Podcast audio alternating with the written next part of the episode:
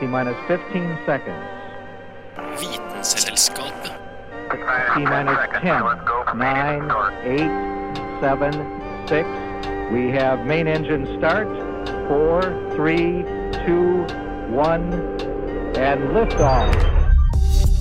Vitenselskapet. Vitenselskapet på Radio Nova.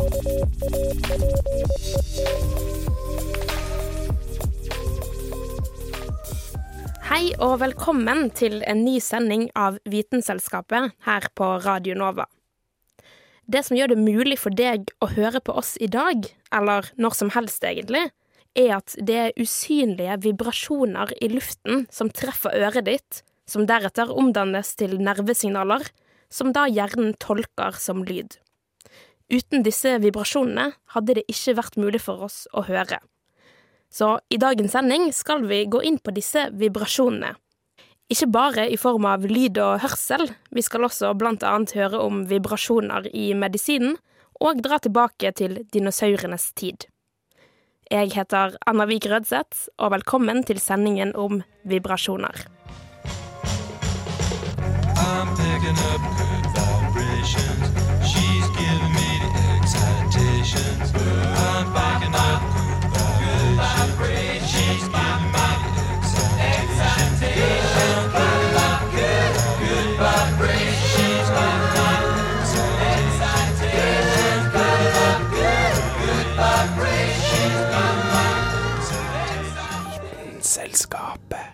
Nå skal du få høre en historie om klatring, stein som beveger seg, og hjerteslag.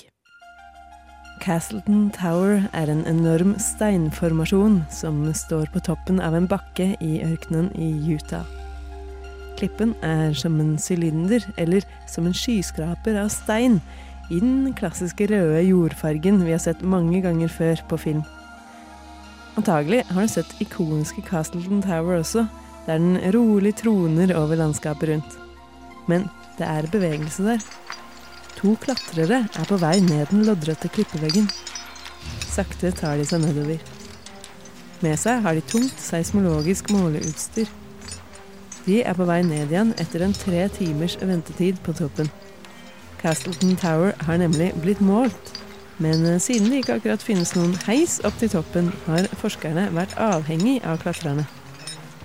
Først har de dratt med seg utstyret opp, deretter har de montert det på toppen, venta i tre timer til målingene ble ferdige, før de nå tar seg ned igjen.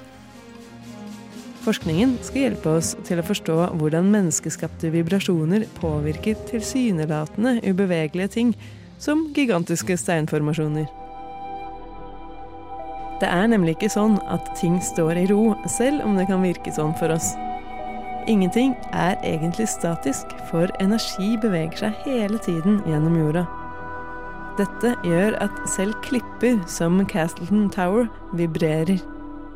Hele den skyskraperaktige formasjonen svaier faktisk fra side til side, umerkelig. Og ikke nok med det, forskerne fant ut at den vibrerer i samme takt som hjerteslag. Midt i ørkenen står med andre ord en 120 meter høy søyle av stein og vibrerer som et menneskehjerte. Men hvorfor? Vel, akkurat hva det er som får Castleton Tower til å vibrere, har ikke forskerne noe klart svar på ennå. De studerer steinformasjoner for å prøve å forstå hvilke naturkrefter som påvirker dem, og hvordan steinene påvirker eller forsterker energien som passerer gjennom dem. Disse energikildene kan f.eks. være vindkast, trafikk, bølger eller jordskjelv langt borte fra. Alt i verden henger sammen, og selv om vi kanskje ikke kan merke det på kroppen, kan ting vi gjør påvirke vibrasjonene til steinformasjoner, bruer eller kanskje faktiske skyskrapere. Denne forskningen er relativt ny, men kan si noe om jordas dype vibrasjoner. Og forhåpentligvis kan den gi oss en pekepinn dersom noe plutselig vibrerer med en ny og uvanlig takt.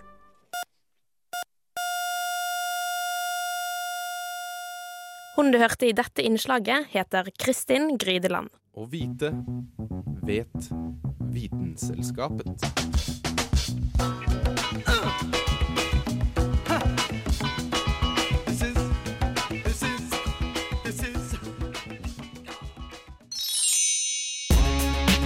Du at? Visste du at? Visste du at de lengstlevende cellene i kroppen er hjerneceller? Kroppen kan lage nye hjerneceller, men siden de fleste av dem lever et helt menneskeliv, har du mange av dem fra du er født til du dør.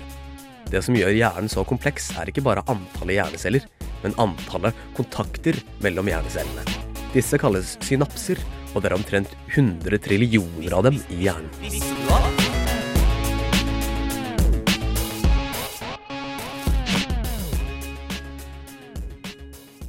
Da Vinci, Picasso, Munch og Tidemann er alle store, kjente malere. Men det finnes større, mer kjente malere, som kanskje til og med er enda flinkere. Jeg snakker selvfølgelig om katter. Mens den lille tigeren beveger seg rundt beina til eieren, lager den en lav, rumlende lyd. Den virker fornøyd med seg selv. Men er den det? Og hvor kommer egentlig denne lyden fra?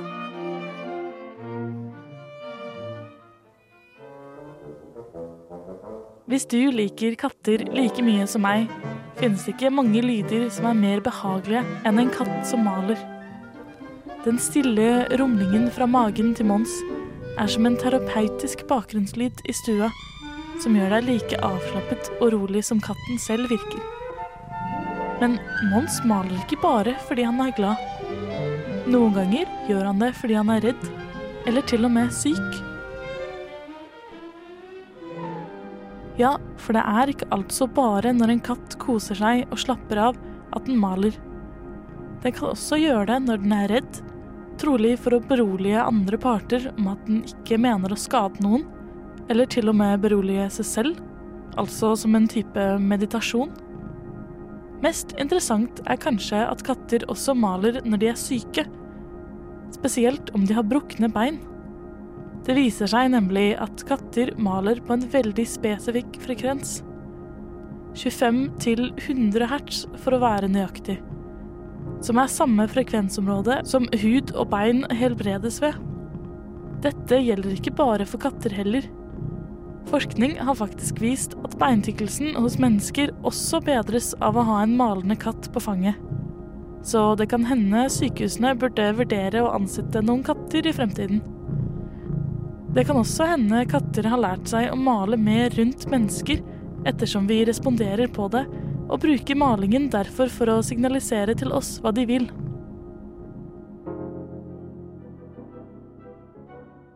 Mens du klapper en katt, er det lett å lure på hvor denne rumlingen egentlig kommer fra. Er det magen, eller kanskje halsen? Hvis du prøver å lage en malelignende lyd selv, kommer den mest sannsynlig fra munnen din. Og du klarer nok bare å lage lyden på utpust. Det som er spesielt med kattemaling, er at de kan male både på innpust og utpust. Dette er fordi katter lager lyden i strupehodet, øverst i halsen. Her ligger stemmebåndet, som har en åpning i seg kalt glottis. Det er denne åpningen som blir utvidet og strammes inn mens katten puster inn og ut, som lager malelydene når luften vibrerer. Selv om vi nå er ganske sikre på at det er slik katter maler, så vet vi ikke helt sikkert hva som utløser denne responsen. Mest sannsynlig kommer den fra en neural oscillator i hjernen deres, som ellers ikke har et klart bruksområde.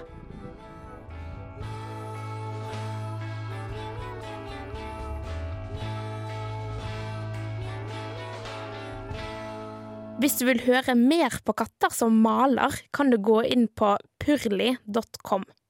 Der kan du til og med justere malingen til akkurat den typen du vil høre på.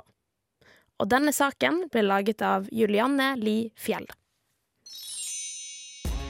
Du at?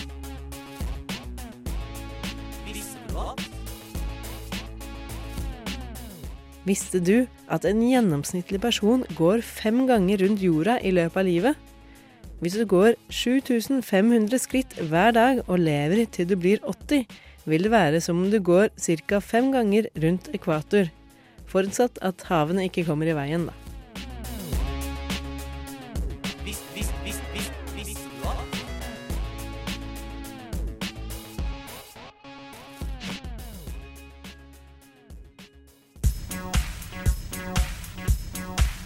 Tæla i taket med Vitenselskapet.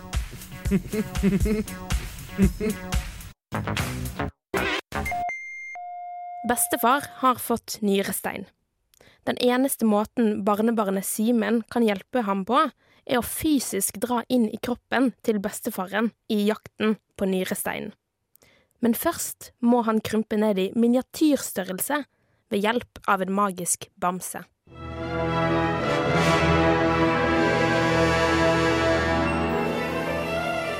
Nei, vent, Simen. Det fins en annen måte å få ut bestefars nyrestein på. La meg bare legge bestefar på den båra her. Sånn. Og finne fram denne, å, denne store maskinen her, som ser ut som et ultralydapparat. Sånn. Da er vi klare. Du vet jo det, Simen, at eh, nyresteinen inni kroppen til bestefar er egentlig en klump med salter som er skilt ut fra urinen hans. Den er nok større enn en halv centimeter i bredde. For eh, hadde steinen vært mindre, så kunne han ha tissa den ut selv. Men nå har nyresteinen satt seg fast i urinlederen til bestefar, så han trenger litt hjelp til å få den ut. Og istedenfor å gå fysisk inn i kroppen, så kan vi prøve å få ut steinen fra utsida. Maskinen jeg nettopp fant frem, heter en ESWL-maskin, som står for Extracorporeal Shockwave Lithotripsy.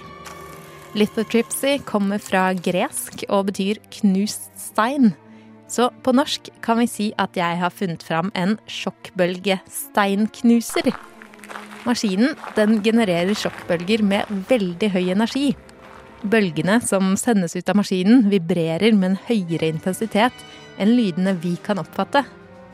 Inni maskinen er det en væske med samme tetthet som kroppsvevet til bestefar. Det vil si at eh, når lyden forlater maskinen gjennom dette håndtaket her, som ser ut som en sånn ultralydhode, så går bølgene nesten smertefritt inn i kroppen. Mesteparten av bestefar består av mykt vev, som sjokkbølgene bare strømmer gjennom i samme hastighet.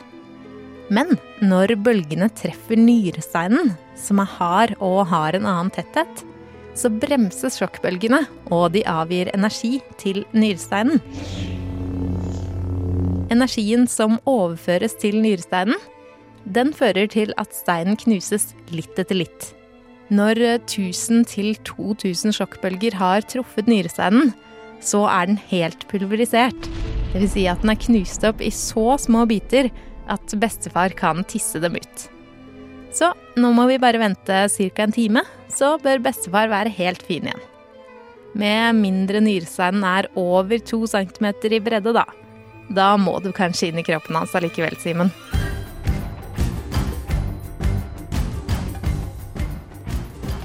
Men om lydbølger kan brukes til noe annet medisinsk enn bare å knuse nyrestein? Morsomt at du spør, Simen. Ultralyd for å knuse nyrestein har jo vært brukt siden 80-tallet. Og ultralyd for å lage bilder av bl.a. fostre kjenner du jo til. Men i dag så jobber forskerne med å finne ut om lydbølger også kan brukes i behandlingen av kreft. En teori går ut på at man sammen med kreftmedisin injiserer bitte små bobler i kroppen og sette på lydbølger når medisinen har nådd det stedet den skal virke i kroppen. Boblene vil da begynne å vibrere pga. lydbølgene. Og teorien er at vibrasjonen øker gjennomtrengeligheten til blodårene. Altså gjør de det lettere for kroppen å ta opp kreftmedisinen. Så hvis bestefar skulle få kreft en gang, Simen, vent litt med å krympe ned i størrelse og gå inn i kroppen hans for å ordne opp selv. Kanskje det finnes en metode innenfor den tradisjonelle medisinen som kan rydde opp, som ikke involverer hjelp fra magiske bamser, tåretankoperatører eller punkerblodlegemer.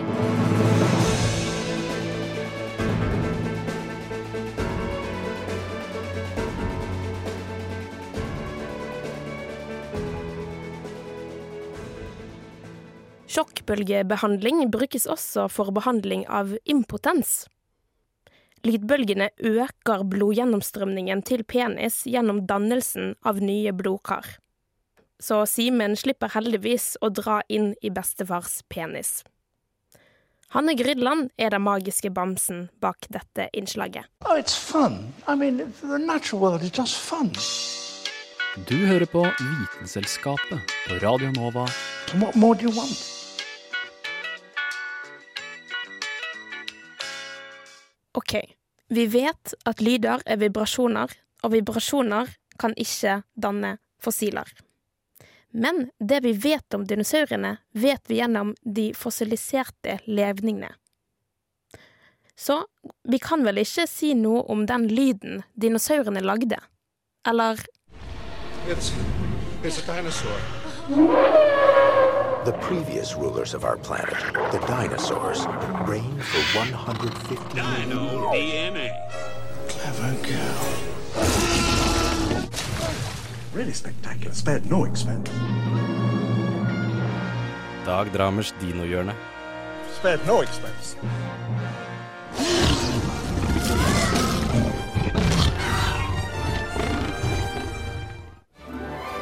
Brølet til en Tyrannosaurus rex får det til å gå kaldt nedover ryggen på meg. Den vennlige rumlingen til de planteetende, langhalsende brachiosaurene får meg til å tenke på den pastorale rautingen til dagtidens vennlige, gressere kuene. Den heseblesende snøftingen til en triceratops hann som er klar for å stange deg ned med sine tre horn, minner farlig mye om snøftingen og pesingen til en moderne okse. Kvitringen og skvatteringen til laelenasaurene, disse små, søte nebbdinosaurene, får oss naturlig nok til å tenke på dagens spurver. Men hvordan i all verden kan vi egentlig vite hvordan dinosaurene hørtes ut? Hvilken lyder de lagde? Svaret er at det er svært vanskelig. Lyd er fra et fysisk akustisk perspektiv vibrasjoner i luften med en viss frekvens. Lyder fossiliseres naturlig nok ikke, og kun en sjelden gang fossiliseres instanser av dette andre, sarte fenomenet farger. Dette er fordi lyder og farger, stemmer, fjær, hud og hår og brumling er knyttet til bløte organer, som dessverre er de første tingene som brytes ned, og som sjelden blir innkapslet i sten. Gjennom grundig undersøkelse og utvikling av ny teknologi har vi klart å rekonstruere hvor muskler og sener har sittet på knoklene, og dermed dannet oss et klarere bilde av hvordan dinosaurene så ut, og til og med hvordan de kan ha beveget seg. Vi har også hudavtrykk og fossilisering av horn, så i hvert fall noen av dinosaurenes eksteriør, deres utseende og form, har vi, pun intended, et ganske godt inntrykk av.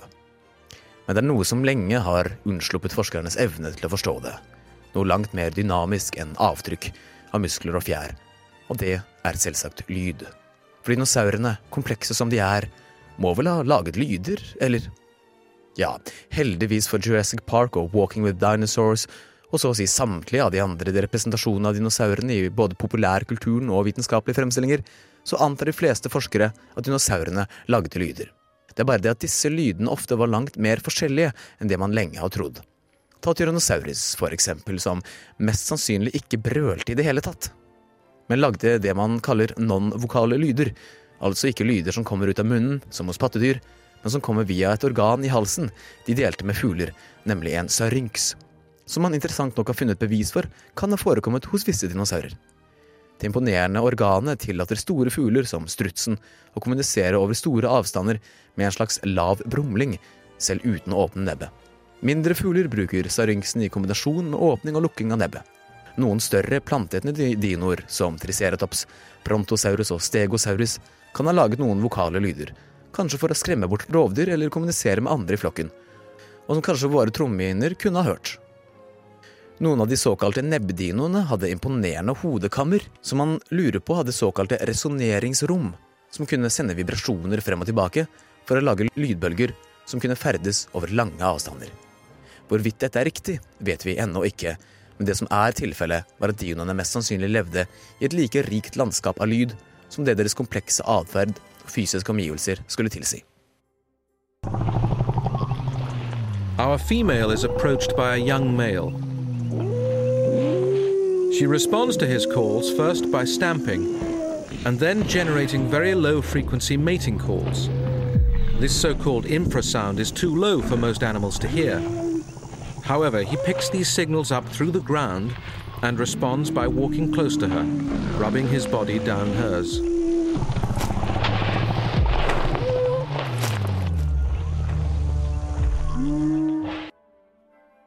Denne saken ble laget av vår alles kjente, kjære Dino Master, Dag August Schmedling Dramar.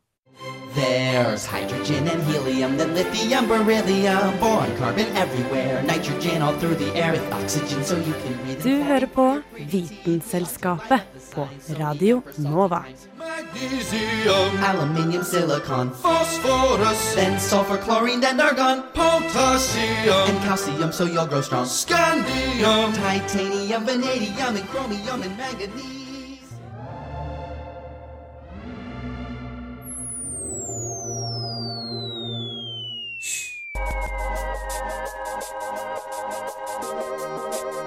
Du at det periodiske systemet fyller 150 år i 2019? Det var først den russiske kjemikeren Dmitrij Mendelev som publiserte et systematisk organisering av grunnstoffene ut ifra egenskaper og vekt. Og det mest imponerende var at han klarte å forutsi egenskapene til grunnstoffer som enda ikke hadde blitt oppdaget, og la da til åpne rom med spørsmålstegn der disse skulle være. Radio Nova er eh, best. Alle, alle, alle, alle andre er eh, tapere. Alle andre- Radio Nova er eh, best. Radio Nova. Mm. Radio Nova. Siden 1982 har Radio Nova gitt deg Favorittmusikken din før du visste at du likte den.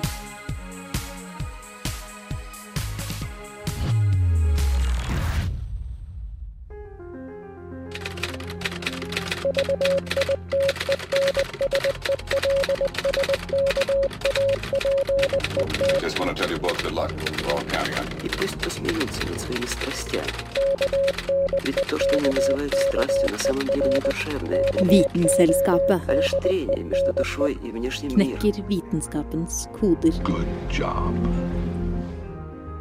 OK, nå skal vi til de gode vibrasjonene. De som har blitt kopiert ut ifra lydbølger og blitt stemplet i en liten plate. Jeg snakker selvfølgelig om vinylplater.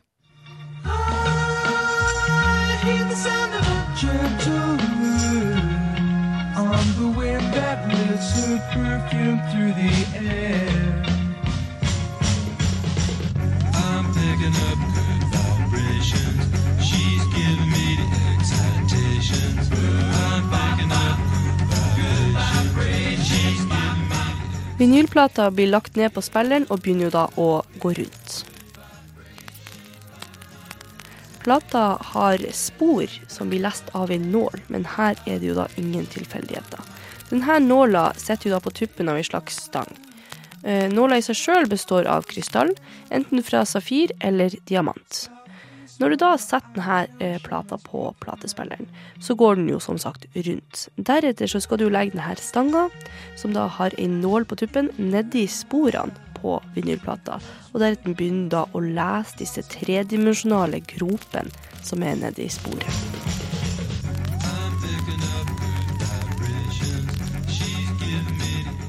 Når denne krystallnåla beveger seg i disse gropene, som vi da kan kalle et spor, eh, får den vibrasjoner ut ifra gropen som er blitt laga.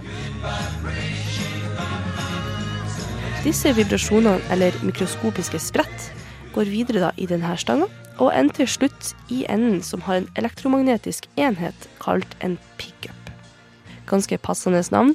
Pickupen er den delen som fanger opp eller leser disse ulike vibrasjonene, og omdanner dette til lydsignaler, som deretter kan forsterkes og sendes ut i høyttalerne, sånn at vi hører da vibrasjonene som lyd.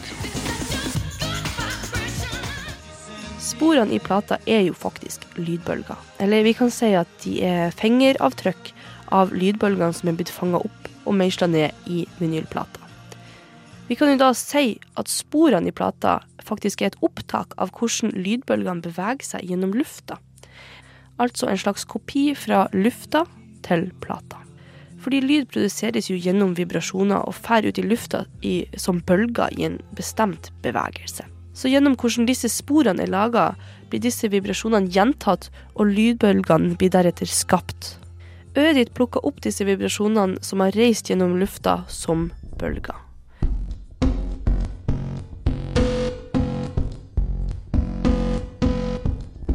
Pickupen kan nesten egentlig da sammenlignes med en mikrofon.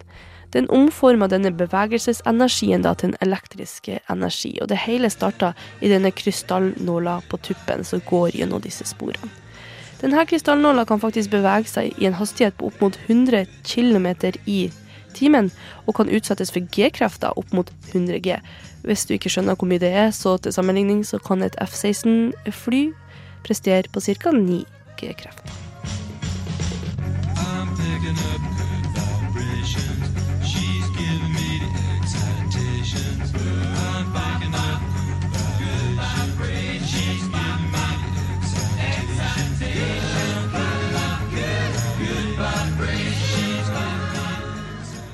Og denne saken ble laget av Ida Katrine Vassbotn. Feit. Man blir feit av sukkerbrus. Og velkommen til Vitenselskapet. So, thank you, plants. Og ser at det bare kryr av sånne melinsekter. Den er kjempegod! Utgave av Vitenselskapet på Radio Nova. Wow. 450 million år gammelt dyr. Men dette er seriøs forskning, folkens. Og du hører på Vitenselskapet. Episode av Vitenselskapet. Til Vitenselskapet.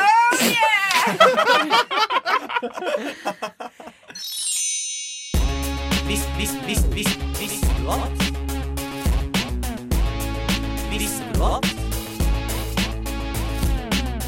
Visste du at? Alle mennesker starter livet sitt som jenter? Y-kromosomet som tilsier at du er gutt, aktiveres ikke før fem til seks uker etter at man har blitt gravid. Det er annet derfor menn har brystvorter.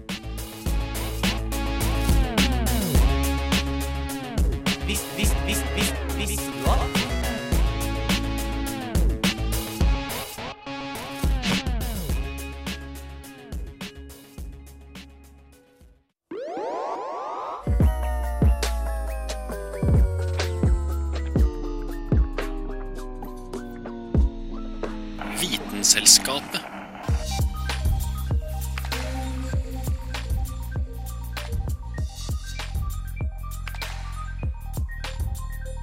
Var det vi hadde for i dag. Håpte du likte viben vi hadde i disse 30 minuttene av Vitenselskapet. Vi er tilbake neste uke til samme tid. Eller så kan du alltid høre på podkastene våre. Jeg heter Anna Vik Rødseth. Vi snakkes.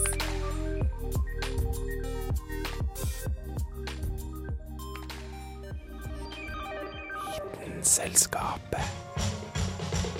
I'm picking up good